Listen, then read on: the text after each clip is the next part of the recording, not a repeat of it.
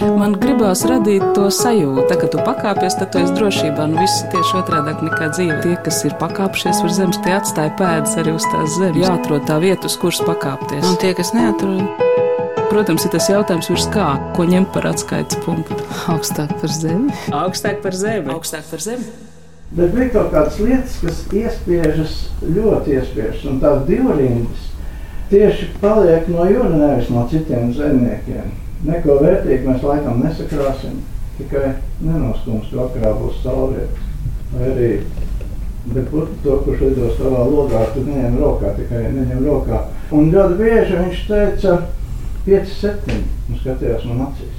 Un viņš to atkārtoja vienkārši ar divus vārdus, tā laika pa laikam, pēc nedēļas vēl, un viņš bija izlaulējis to krājumu nosaukumu. Bet to viņš teica ar tādu mirdzumu acīs. Un tad es nezinu, kā viņa grāmata sauksies ar jaunu mirkli acīs, bet tiešām viņam tas acis. Šī gada dzīs dienās Jāņa akurāta ir muzejā pārdaugavā notika atceres vakars. Juris Kunnos 5, 7 un 75.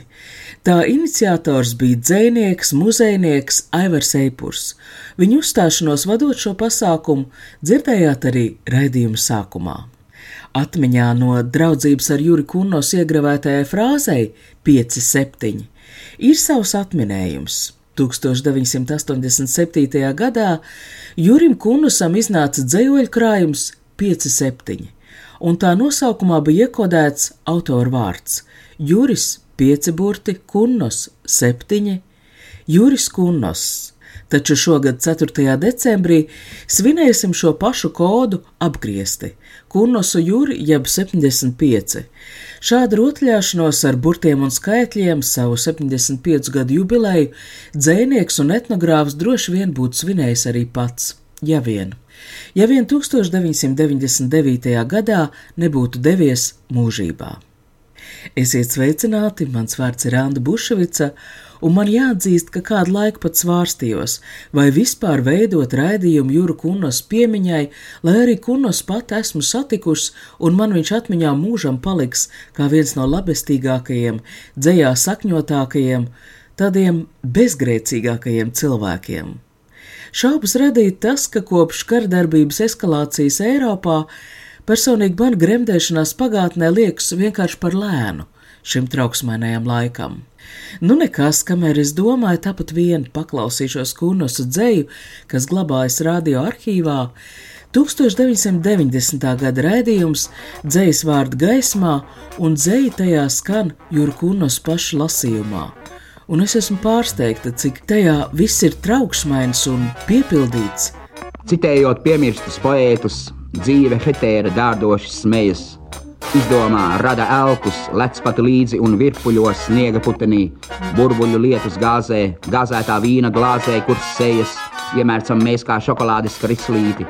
Cepuri nost, basu galvu kā grēku nožēlniekiem mums stāvēt, rindā pēc dienišķās maizes un auzām, ko zirgus pabarot. Kākuļu Jānis tā maigi nosarcis teica: Nāvīt, arī tu tik veca nemaz neesi, un sudraba skrots tieši papēdī trāpīja, pulkstenis pusvienu jau nozvanīja. Gaita grūta, pasaule tāla, izskaidrot nav lemts nevienam. Arī es ģeķis alojos, tā bija. Vieglāk ir zakt, lienēt, pēc tam norēķināties, nevis vienkārši dot. Lipīgi hetēras smiekli, formas smailas kā miserikordija, no kuras trīs asins pilieni atkrīt nost. Es, Kreilis, rakstu ar labo roku virs loga ailas, kur debesu braucējs kā laika irbulis zibeņo.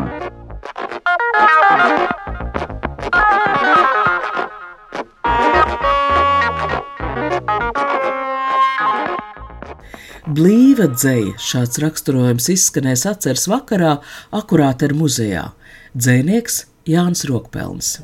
Kunos, kunos uh, mīļākie dzēnieki bija skujnieks un bēziņš.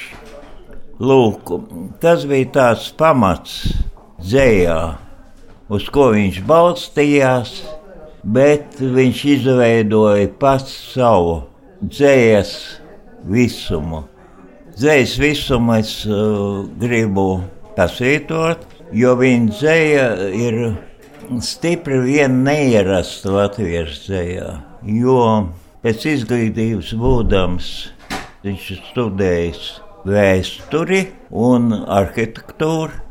Viņš ilgu laiku zīmēja, nevis rakstīja dzēju.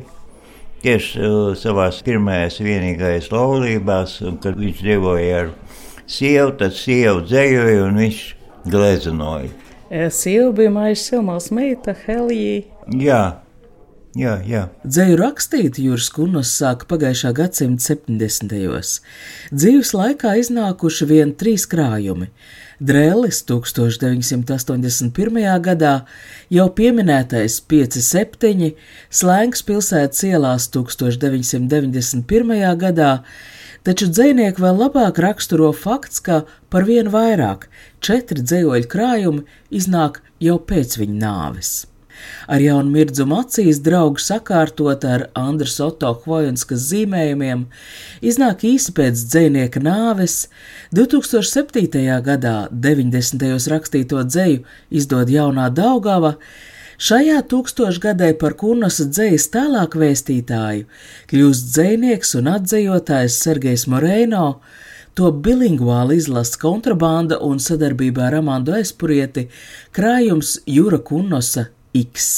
Un uh, viņa dzīves pamats bija etnogrāfiskais brīvdabas muzejs.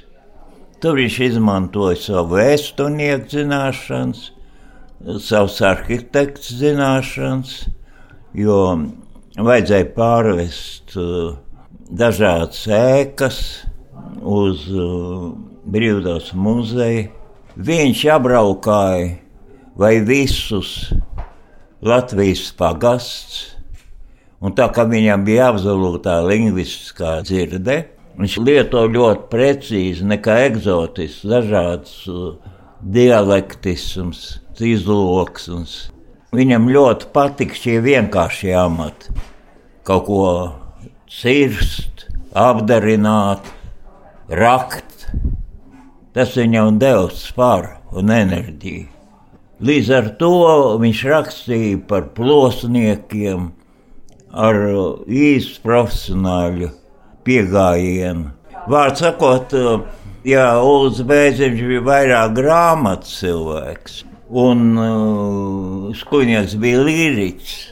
Viņš gāja iz dzīves, radīja tādu milzīgu tādu kosmosu, kā mazie holandieši. Ja? Kuriem bija aizliegts gleznot svētgleznas, tad viņi visu savu ticību ielika ikdienas ainās, apgaroja tās. Tas, ka viņš bija arī reliģisks cilvēks, tēvs bija no setiem no pareizticīgajiem uh, igauniem. Viņi arī savienojās latviskais lirisms ar igauņu punktieru domāšanu, asumu. Tas uh, radīja viņa dzējā tādu absolūtu, precīzu priekšmetiskumu. Bet vienlaicīgi šī dzēja ir kā ļoti materiālā. Šajā dzējā ir arī kaut kāda pārpersoniska pārpasaulīga dimensija. Tas ir īstā dzējā vienmēr kaut kas pārpersonisks, ko pats uh, dzēnieks var arī nepamanīt. Bet kas izpauž caur viņu vārdos neizteisamais. Ja? Tas mūžīgās problēmas, eksistenciālie jautājumi, kas nodarbina vienmēr īstus zvejniekus. Bet kāpēc Jūras Kunas? Ir iemesls, jo viņam šogad apritēs 75 gadi pēc brīža, ja 4. decembrī, un kā mēs vakar gaitā dzirdējām, tad teātris kops, saulespuķe, kur apvienojušās ir tādas cienījamas dāmas, un viņas jau novembrī arī vairākas pasākumus, vairākās bibliotekās. Mēs jau nevienmēr sākumā zinām, kāpēc mēs to darām. Un te vēl papildus moments šovakar tikai noskaidrojās, ka Jurim Kurnasam pirms 25 gadiem ir bijis šeit autoru vakars, un tas tā ļoti zīmīgi. Dzēs dienās ir vajadzīgs arī kaut kas pamatīgs.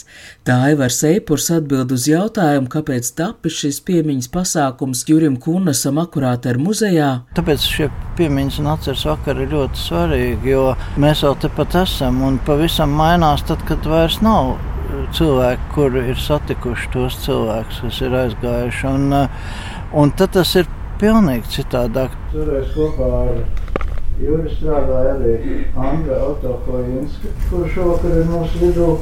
Viņa ir arī māksliniece šīm grāmatām. Un viņa arī šovakar atnesuši šīs fotogrāfijas. Viņa varēs pastāstīt. Tad lūdzu, kur tu esi? Andra. Es sāku tikko strādāt Vīdos muzejā. Un, uh, sēdēju vienā skabūzītī kopā ar Dainu Staltu, tādā kolosālā mazā vecā rozā klētī. Un mums bija fantastisks toreiz muzeja direktors Juris Indāns, kuram es gribu pateikt milzīgi paldies, ka viņš uzturēja absolūto bohēmu. Tur valdīja tāda bohēma, kas man liekas tagad mūsdienās vairs sen nav nekur. Tur bija tik daudz interesantu un dīvainu cilvēku. Mēs bijām tādi, nu, pilnīgi, pilnīgi taka kompānija meža viducī. Katru dienu dzērām godvārds, bet arī strādājām. Un, um, un bija kolosāli, jo mums ar Juri izveidojās no fantastiskas draudzības. Man viņš bija labākais draugs un, un tāds dzīves. Nu, es no viņa tik daudz smēlos no viņa. Viņš bija tik gudrs un viņš mācīja runāt par jebkuru tēmu. Tas nekas, ka viņš bija nodzēries šķīps un liekas un katru dienu mājās gāja patiesībā negāja, viņa aizveda. Bet viņš bija fantastisks cilvēks. Šī grāmatiņa, es nezinu, vai jums tāda ir, bet es viņu ļoti ilgi klusībā loloju. Man eh, muzeja darbinieks, kolosālais Gunārs Dzens, palīdzēja. Mēs solījām Jurim, viņš man nesa katru dienu dzējoļus un teica, tev noteikti jāuzzīmē būs grāmata, mums būs grāmata. Bet uh, dzīve ir dzīve un nenotiek tā, kā gribētos, jo viņš nomira. Un es sapratu, ka man tā grāmata ir jādabūna gatava. Un es atļaušos nolasīt dažus dzīslīšus, kas man liekas raksturo to mūsu kolosālo draudzību. Es tev dažreiz pačircinu, bet tu jau neļauno par to, ka katru dienu svētkus svinu, visvairāk tā par it neko. Uz fotografijām tu vienmēr smaidi, bet burvīgs smaids tev ieraugot, visam negaidīti klaidi un arī Bonijas ņem banku tieši pārraidē. Un tavas sirsniņa puks slaidi, tāpat kā man par it neko. Jūs gribējāt to banku ņemt? Jūs Jā, mēs visu laiku gribējām ņemt banku. Tie bija 90. gadu beigas. Mēs visi bijām nabagi. Un visu laiku mums bija doma, kad vajadzētu ņemt to banku, aizbraukt uz Itāliju un padzīvot zaļi. Andra Otto Hoinska ir cilvēks, kurš ar aprīnojumu vieglumu sauc lietas īstajos vārdos. Arī raksturojot sevi kā jaunu un muļķi, bet Juri Kunos par fantastisku, bet nodzēršos večuku, Juris Kunos nepanes alkoholu. Un vienlaikus, kā atceras vakar liecībās tas izskanēja, arī baidījās atmest dzeršanu, jo baidījās zaudēt spēju radīt. Vēlreiz Evers Eipurs. Es domāju par to eksistenciālo izvēli, dzert vai dzējot, to arī es te gāju cauri. Es domāju, ka tas ir kaut kur mūsu sabiedrībā tāds dīvains kaut kāds aizspriedums, ka to nepieminēt, bet es nedomāju, ka tas ir pats labākais, kā risināt šos personības un dairādas jautājumus. Agrāk neviens tā tikai likās, ka to nosoda. Būtībā it kā nevienam nebija nekas pretī. Es neizjūtu tādu milzīgu nosodījumu. Tas bija patiesībā tie bija pēdējie tie sociālais martas periods. Tur bija gan stagnācija, bet tas bija arī tāds, nu, tāds jautrais sociālisms. Tur var smieties par visu, un viss bija pilnīgi iespējams. Es teiktu, nebija izvēles. Viena lieta, ka vienkārši ir cilvēki, kur ir atkarīgi un kur nav. Ne visiem organisms spēja pārstrādāt alkoholu vienādi, bet tā jau ir atsevišķa un garāka saruna. Un tā ir ne tikai augstāk par zemi, bet arī zemāk par zemi. Tā ir ļoti smaga, bet tā ir eh, daudziem dzīsniekiem bijis. Es uh, zināju, dzinieks un arī lasījis par tiem, kur baidās atmest savus vājības, savas atkarības, ka zaudēs šo dzīslu potenciālu. Juris Kunos 90. gadu labākajā sabiedrībā bija īpatns tēls. Viena no manām mīļākajām anekdotēm iz dzīves. Rakstnieku savienībā ar otrās dienas seju ar pārsistu pierīti pie loga sēž un klanās jūras kunnos. Paralēli šai pašā telpā notiek konsultācija, kāds jauns dzēnieks atrādīt konsultantam atnes savus dzējolīšus, vecmeistars šķirsta, jā, jaunais dzēnieku potenciāls ir, tagad tikai jāstrādā, jāpūlās, tad varbūt kļūsiet par īstu dzēnieku. Tādu pamāju uz logu pusi, kā Juris Kunnos. Kādam Juris Kurnos varbūt izskatījās pēc nabadziņu, bet nabaks viņš noteikti nebija. Varētu teikt, ka harmonisks cilvēks. Es tā arī viņu uztveru. Kaut uh, vizuāli viņš daudz šokēja un tam līdzīgi. Ja? Bet uh, ne tā mēs skatījāmies, jo, jo man tomēr ir hipija ieraugs. Ja? Es nebiju hipijs, bet hipija ideoloģija man bija ļoti tuva. Ja? Man paudze neuzlūkoja cilvēku vajag. Ja? Dievs neuzlūko, arī Dievs neuzlūko cilvēku vajag. Tāpēc viņš bieži vien tādā ienāca kādā klīrīgā, labi ģērbtu kungu un dāmu kompānijā, un tad viņš skaties, kas tas babons, kāpēc viņš ir ieklīts. 1988. gadā tapis radio iestudējums šai pilsētā savādi skaistā. Juru Kunas dzēju lasa Igo. Savā dzimtajā pilsētā atgriezos. Īskāmies kā dzinējs un pazaudējies un atradies atkal. Brūģi akmeņus ostīdams. Manas zudušās adreses kvēlo tajā ielā lampiņas, un ar milzīgām mūsām piesūcies elektrībai ved tramvai sams.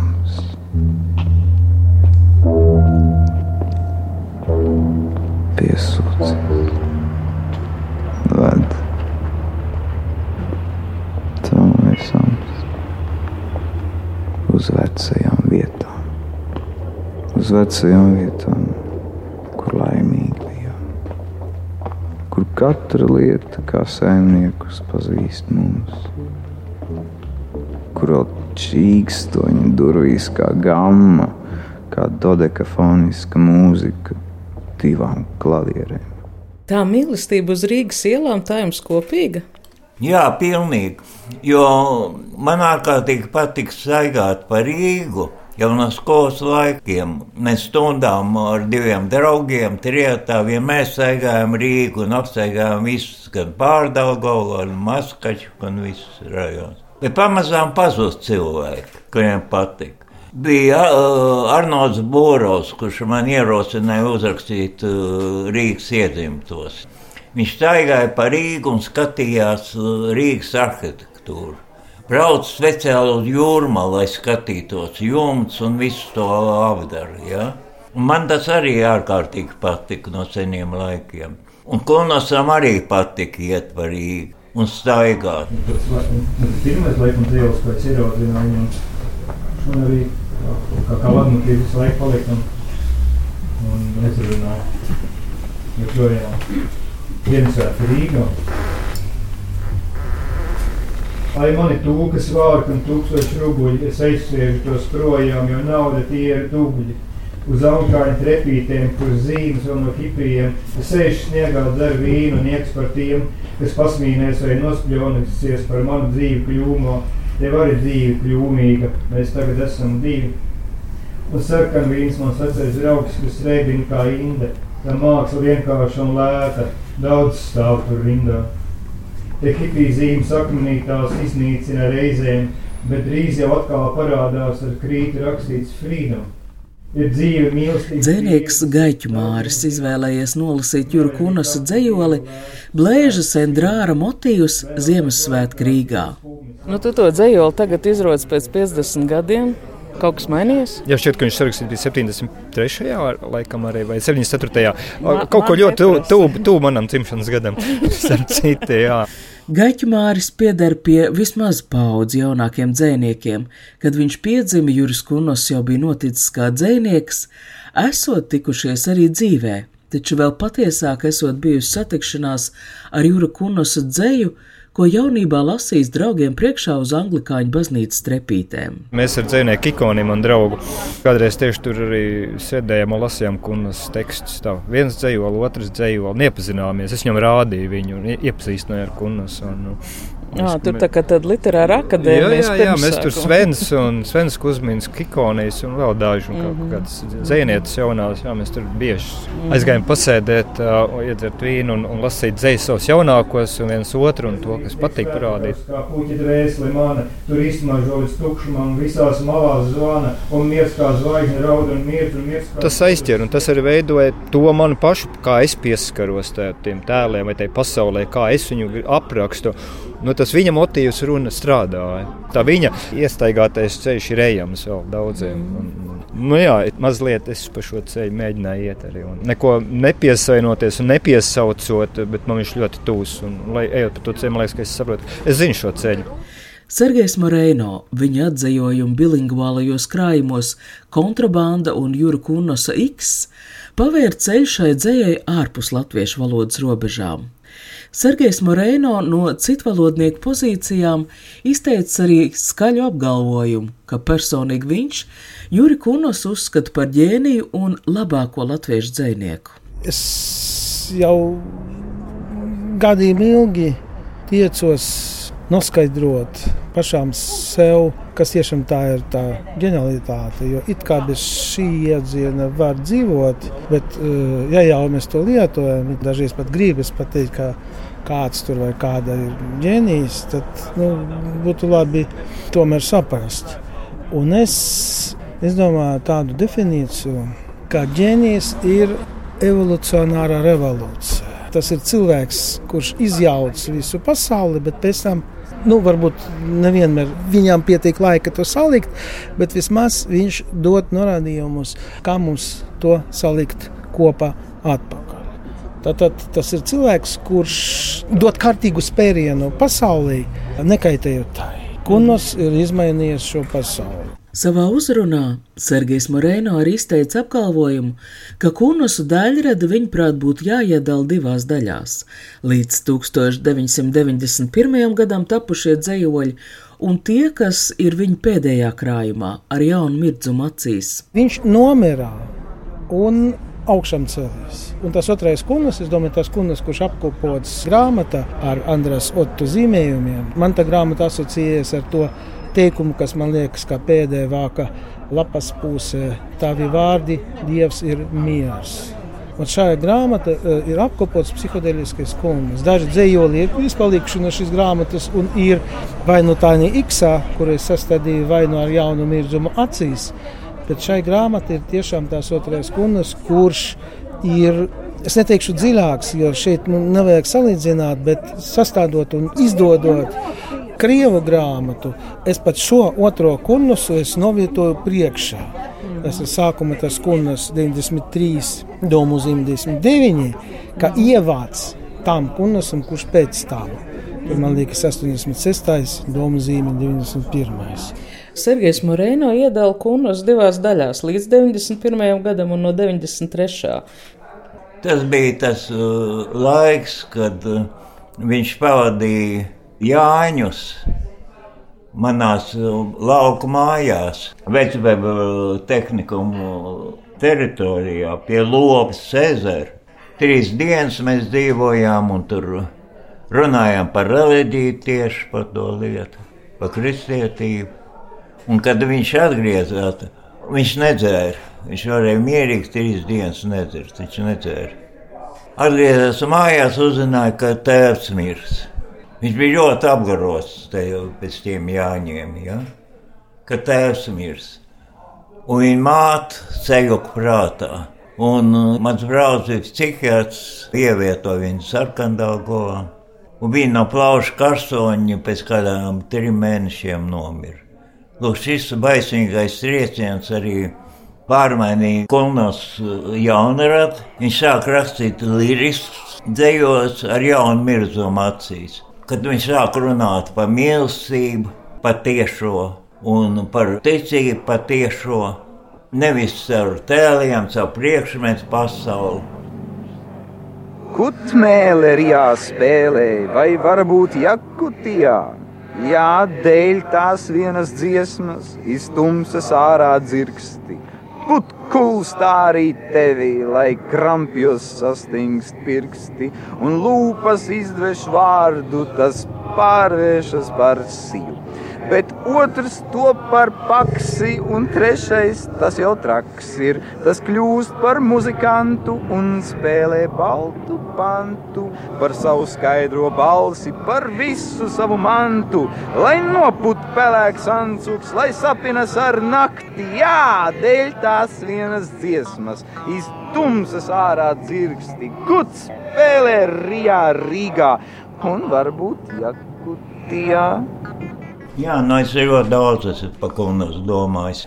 Viņš bija ārkārtīgi dzīves cilvēks. Un savus dzējošus viņš rakstīja piecās minūtēs, un tiešām viņš pierakstīja.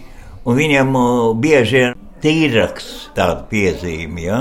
Tas nozīmē, ka tie zemoļi viņam likās it kā dodiktēt no augšas. Tādi impulsīvi zemoļi ir pazīstami diezgan daudziem zvejniekiem, bet tie ir reti.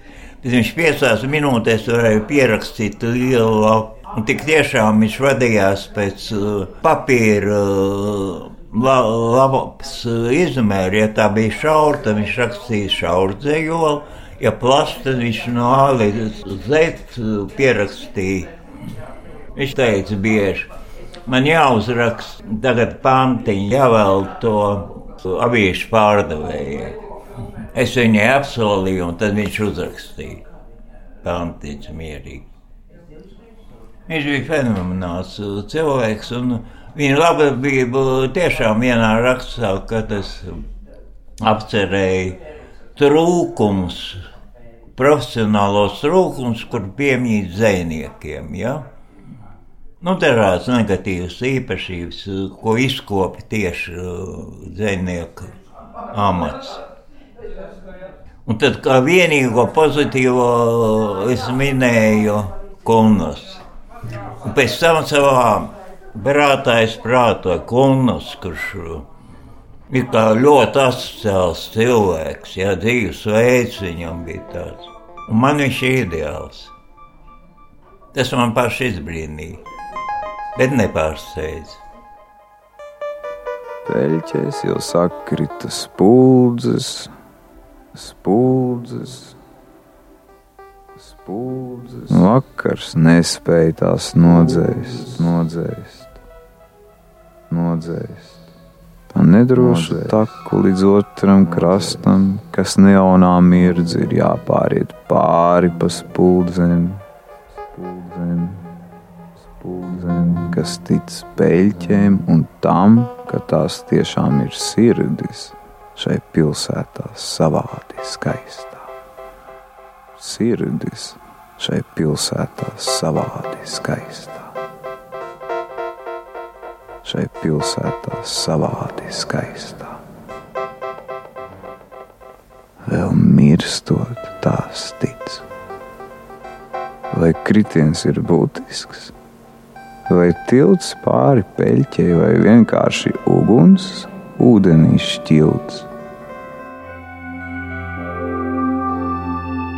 ja mēs runājam par dzēju, es piekrītu Annai Rančānai, ka agrāk bija tā, ka tā skaties, kurš tad pašs labākais, kurš pats labākais un, tagad, un kur paši labākie. Bet tagad ir pilnīgi cits laiks, tagad ir daudzi labi, par kuriem citi brīnās. Viņi domā, ka viņi nav tik labi, jo tie bija tik labi. Viņi vienkārši bija izcelti.